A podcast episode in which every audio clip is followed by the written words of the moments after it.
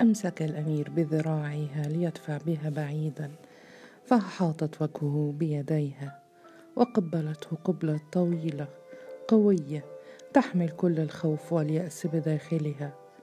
وكانت أول مرة منذ زواجهما تبادر فيها بتقبيله. في البداية كانت تتحمل قبلاته وتفصلها عن روحها ثم استجابت لقبلاته واختلجت بين يديه. ولكنها ابدا لم تبدأ بتقبيله أو لمسه منذ زواجهما. وإذا كانت هذه القبلة هي كل الأمل لديها في النجاة فلا بد أن تسكب فيها كل يأسها وخوفها. لم يدفع بها ولم يحتضنها ولم تكن تدري هل فاجأته أم أنه لم يعد يريدها ولكنها شعرت به في بطء يبادلها القبلة في قوة ويحيط وجهها بيديه. بعد برهة تركت فمه وهي تلهس وقالت أحبك ابقني معك اليوم. لن أغضبك مرة أخرى. أعدك. سامحني. أتمنى فقط أن تسامحني. شعرت بذراعه تحيطها فابتسمت في ارتياح وقالت ضمني إليك ولا تتركني مرة أخرى مهما جرى. قال وهو يضغط على خصرها تخافين السجن إلى هذا الحد. قالت وهي تتحسس جسده وفكرة المكوث في السجن تربك كل نفسها. أخاف الابتعاد عنك. أبعدها عنه بعض الشيء. ونظر إلى عينيها وشعر بقلبها الذي يخفق في قوة وكأنها ولدت للتو أو على وشك الموت. كانت كالأرنب الذي يهم المشتري أن يمسك بأذنيه ليذبحه. تنظر إليه في حذر وتخاف النهاية المحتومة. اتسعت عيناها وهي تنظر إليه. كانتا عينين تستغيثتان وترجوان ولكنه رأى القوة لم تزل كاملة في الأعماق ولم تختفي حتى بعد المكوس في السجن. قال وهو يمر بأصابعه حول عينيها وهي تحدق فيه بلا توقف. زينب ترى ماذا تريدين؟ ألصقت رأسها بصدره وطوقت كتفه وأغمضت عينيها وقالت سأفعل أي شيء من أجلك يا مولاي. فقال تقولين هذا دائما وقت يأسك وخوفك. لم تجب لم تعرف ماذا تقول. تمتمت لأنف لنفسها بأدعية وهي تتمنى النجاة. همس في صوت هادئ وفمه يقترب من فمها وهو يمر بإصبعه حول شفتيها. يمكنني أن أقبلك اليوم وابادلك الحب ثم أعيدك إلى السجن غدا.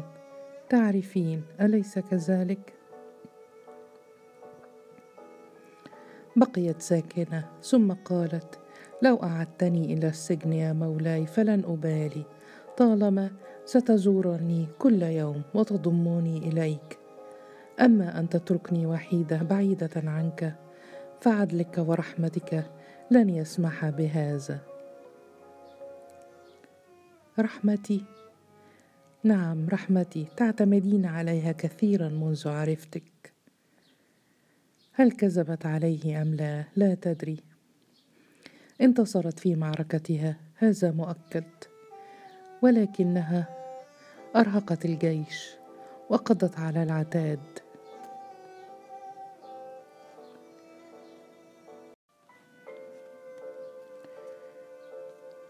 ولاحظت فرض سيطرته عليها.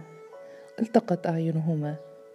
وكان الضعف والشوق يطغيان عليها معا.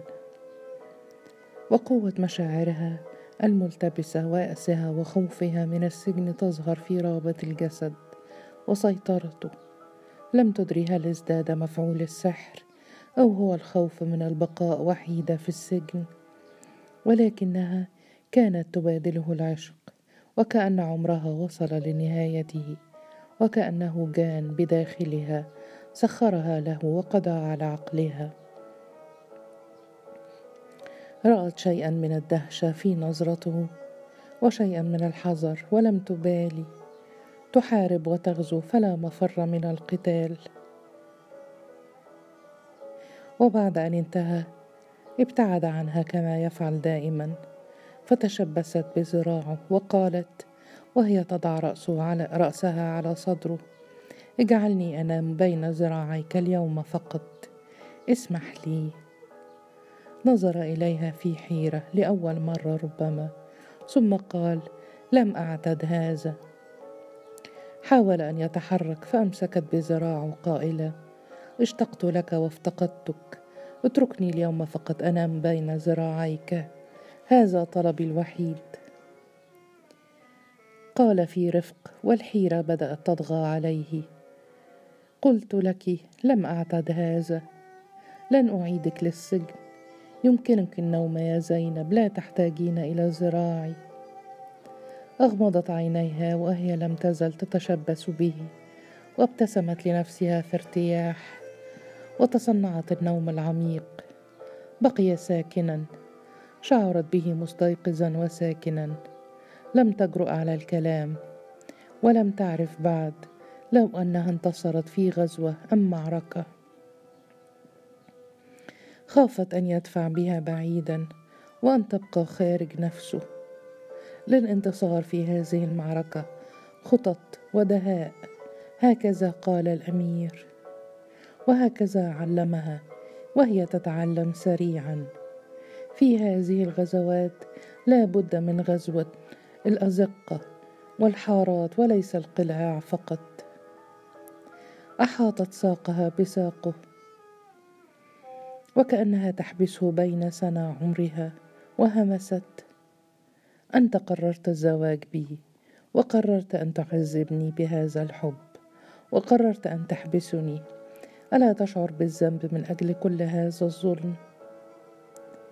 قال بعد قليل ظننتك نائمة. قالت أريد أن أستمتع بوجودي بين ذراعيك. لم تعدل معي أيها الأمير. قال في عبوس ماذا تريدين؟ إنقاذ يوسف. قالت وهي تمر بيدها على ذراعه. أن أبقى معك. لا أهتم بأمر يوسف ولا غيره. لا تتركني. بقي صامتا وعابسا وكأنه يشعر بهزيمته ويعرف طعمها. قالت وهي تحكم السيطرة على الحارات والعطوف الضيقة داخل نفسه. كنت تريد أن ترى شجاعتي في العشق. تعرفها الآن وتعرف عذابي بهذا الحب. قال وهو ينظر إلى الأفق ولم تتعذبين؟ بقيت صامتة لا تدري أتضرب بالسيف الآن؟ أم تعطي مهلة لاستساغة الهزيمة والتأقلم معها؟ ولكن وقت تقهقر العدو لا بد من الضرب. قبلت ذراعه وهمست لم أعرف غيرك ولم أحب غيرك سأتحمل أي شيء لأسعدك أي شيء حتى لو ذابت روحي وسحقت من أجلك فسأفعل. فلا محارب غيرك يهزمني. فقال لا أفهم. قالت لو شعرت بك مع غيري لمت. لا تعرف كم أموت. تسير نفسي بين الطرقات في جنون ومس من الشيطان ولكنني سأتحمل من أجلك فليس لي سواك. افعل بي ما شئت اقتلني لو أردت ولكن لا تتركني. قال في جدية زينب أي لعبة تلعبين؟ حاول القيام فقالت مسرعة وهي تدس رأسها في زاوية ذراعه اتركني بين ذراعيك وثق بي. فقال ماذا حدث بينك وبين يوسف؟ قالت مسرعة أنت تعرف كان رجالك في الحجرة. جاء ليرى أبي هو لا يطيقني الآن. قال في حسم ولكنني سأقتله. تعرفين أليس كذلك؟ قالت وهي تقبل رقبته وتمر بيدها على كتفه. افعل ما تراه عدلا يا مولاي. لا يهمني إلا أنت. واغفر لي أي خطأ بكلام لم أقصده. فليس لي خبرة بالزواج ولا بالأمراء. إني أتعلم بسرعة وأعدك بأن أحسن من أخلاقي. ثم قالت وهي تتظاهر بالأسى ماذا أكون أنا أمام جواريك؟ لا أنا في جمالهن ولا دهائهن. بنت من العامه ستملني وأموت بعدها. أعرف ولا أبالي. أبقى معك حتى تملني. فلا عمر لي بدونك ولا حياة لي. وأنت مع غيري ماذا أقول؟ لا تعرف عذابي وأنت بين ذراعي ذراع غيري. كل النساء حولك وليس لي غيرك أنت. أي عدل هذا؟ همست وهي تتظاهر بالبكاء. مولاي تعرف بماذا كنت أشعر في سجني كل يوم ليلا؟ قال في وجوم بماذا؟ قالت كنت أريد الموت وأنا أتصورك بين ذراعي. لم تكن تريد أن تنطق اسم سارة. اسمها فقط يصيبها بالإشمئزاز. كرهها لها لم يصل إلى مرتبة أحد من قبل والآن تكرهها أكثر بكثير من قبل. قالت في تأثر بين ذراعي أي امرأة كنت أريد الموت. وأموت كل ليلة وأنا أشتاق إليك. وأعرف أنك لم تعد تريدني. أنا آسفة أكرر كلماتي المملة. فقط أريد أن أتكلم معك. ضغطت على ذراعيه أكثر وهي تتنهد وكأنها كانت تبكي. وأغمضت عينيها وهي تتصنع النوم من جديد. وشعرت به لا يتحرك. مستيقظا وعبوسا. لم تنم ليلتها ولم ينم ليلته. تظاهرت بالنوم وقد قالت كل ما رتبته طوال الطريق. ترك لها الفرصة لتتكلم. هذا في حد ذاته أراحها. وبقي هو ساكنا وعيناه تنظران إلى النافذة. في الصباح قام من مكانه. وهي لم تزل تتظاهر بالنوم وارتدى ملابسه وخرج من الحجرة. بقيت مكانها لا تدري هل كان انتصارها أمس كاملا أم لا. لم يقل شيئا. هل سيأمر بقتل يوسف الآن؟ وضعت يدها على فمها وهي تتمنى أن تكون هذه المغامرة الحربية قد مرت بنجاح. لم تحلل مشاعرها ولم تفهمها. للحروب أولويات وعتاد ارتدت ثيابها وخرجت بخطى بطيئة إلى صحن الدار. سمعته يتكلم مع سارة. أمسكت بقلبها. لا تدري اخوفا على قلبها أم على ما سترى وتسمع. لم تستطع أن تسمع أي شيء. رأت سارة تقبل يده في امتنان وتنصرف. لم تدري أتقترب منه أم تعود إلى الحجرة. التقت عيناها بعيني أم خليل فقالت أم خليل كيف خرجت من السجن؟ مولاتي لديك قدرة تفوق جنود المماليك. قالت مسرعة أرجوك لا تثني عليه لا أعرف بعد متى يعيدني إلى السجن. ابتسمت أم خليل. هل أنت غاضبة منه؟ لما لما فعل بك؟ تمتمت لنفسها وكانت وكأنها تريد أن تتأكد من أن النفس تتبع العقل. لن أسامحه.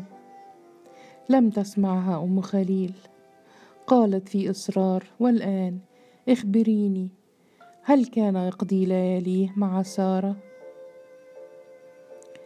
نظرت إليها أم خليل برهة ثم قالت مولاتي ليس لي أن أتكلم فيما لا يعنيني. واسمحي لي لا أفهم لما يعنيك هذا. التقت أعينهما فقالت زينب في ضيق بل تفهمين ولكنك لن تتكلمي. ستتركين غيظي ينبض في الأعماق كما تفعلين دائما. لا بأس. أنت صديقتي على كل حال. طأطأت أم خليل رأسها ولم تجب. فقالت زينب بلا تفكير وعيناها تتجهان إلى باب حجرة سارة. ماذا يحدث بين الأمير وسارة؟ لماذا تقبل يده؟ قالت أم خليل أعتقها يا مولاتي. همست في فرح. لم تكن تعرف أنها ستشعر به. هل أنت على يقين من هذا؟ قالت أعطاها بعض بعض المال ومكانا تعيش فيه وأعتقها. أدعو له كل يوم مولاي الأمير. تمنت لو تعانقه عناقا قويا في هذه اللحظة. أمسكت بقلبها وتوجهت إلى غرفتهما. وهوت إلى السرير. غريب أمر هذا القلب مربك وغريب.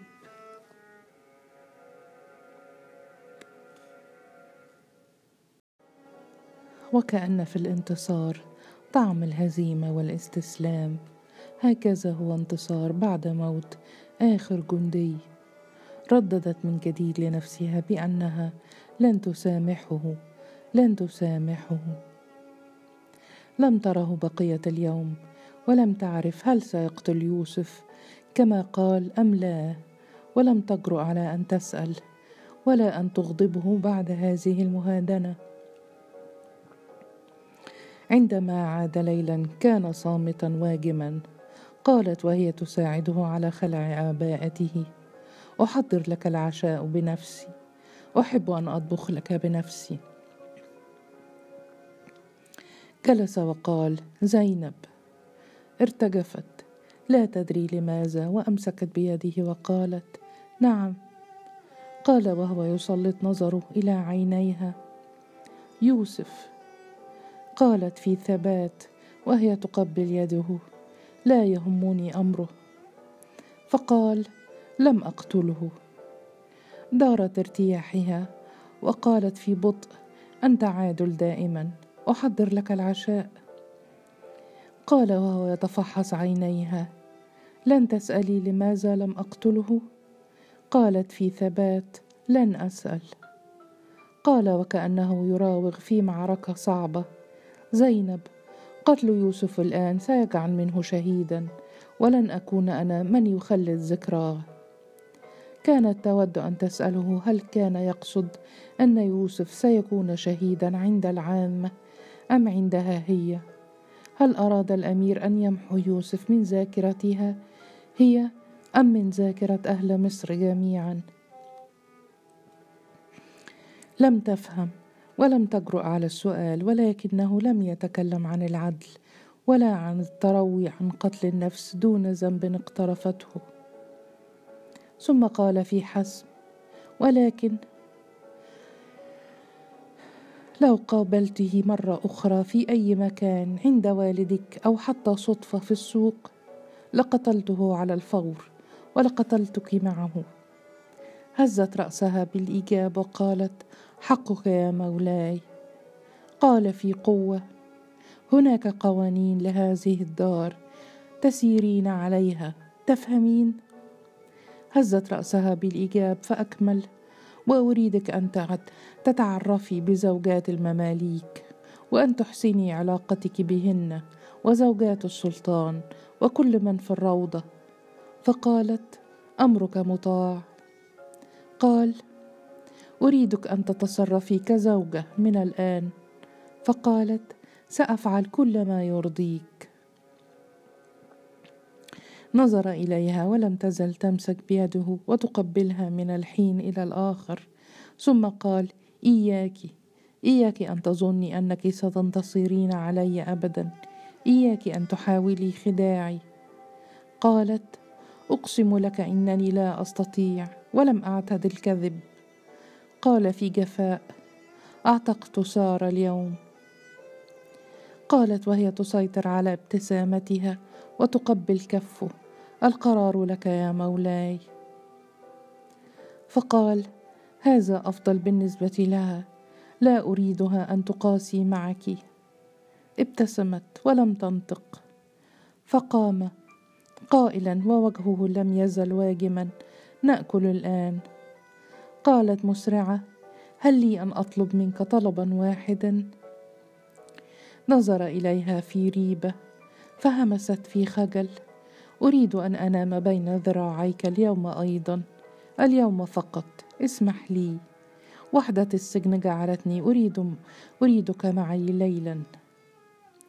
قال وكأنه يتكلم مع نفسه. قلت لك لم أعتد هذا. قالت وهي تمسك بيديه. افعل هذا من أجلي. لم يتكلم.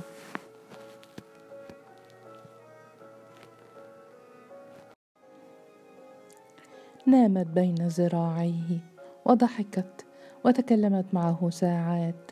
لم يزل واجما وكأنه يعرف هزيمته ويتقبلها في سكون. قالت فجأة وهي تنظر إليه مولاي من أين أتيت؟ نظر إليها وهو لا يفهم ما تعني فقالت مرة أخرى من أين جئت؟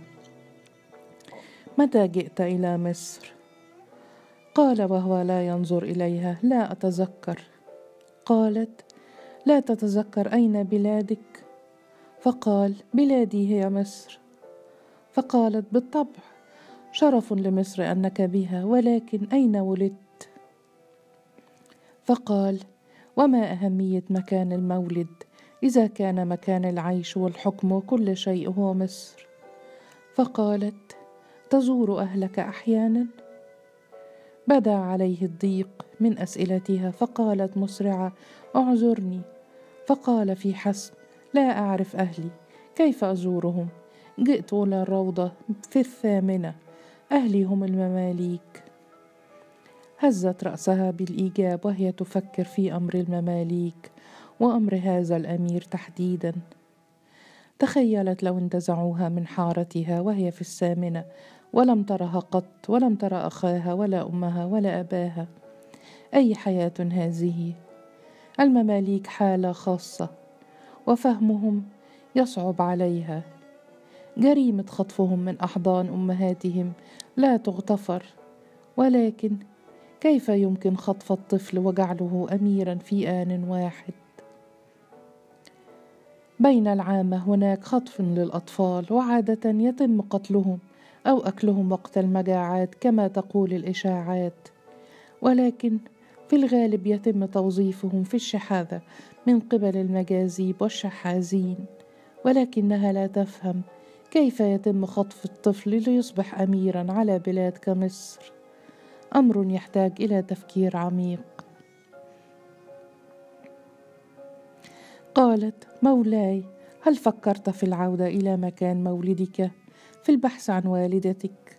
هل فكرت؟ قاطعها وهو يضع يده على فمها. هذا التفكير الكثير يضر بك يا زينب. نامي حتى لا أتركك وأذهب إلى حجرة أخرى. أغمضت عينيها وتشبست به وقالت سأفعل على الفور.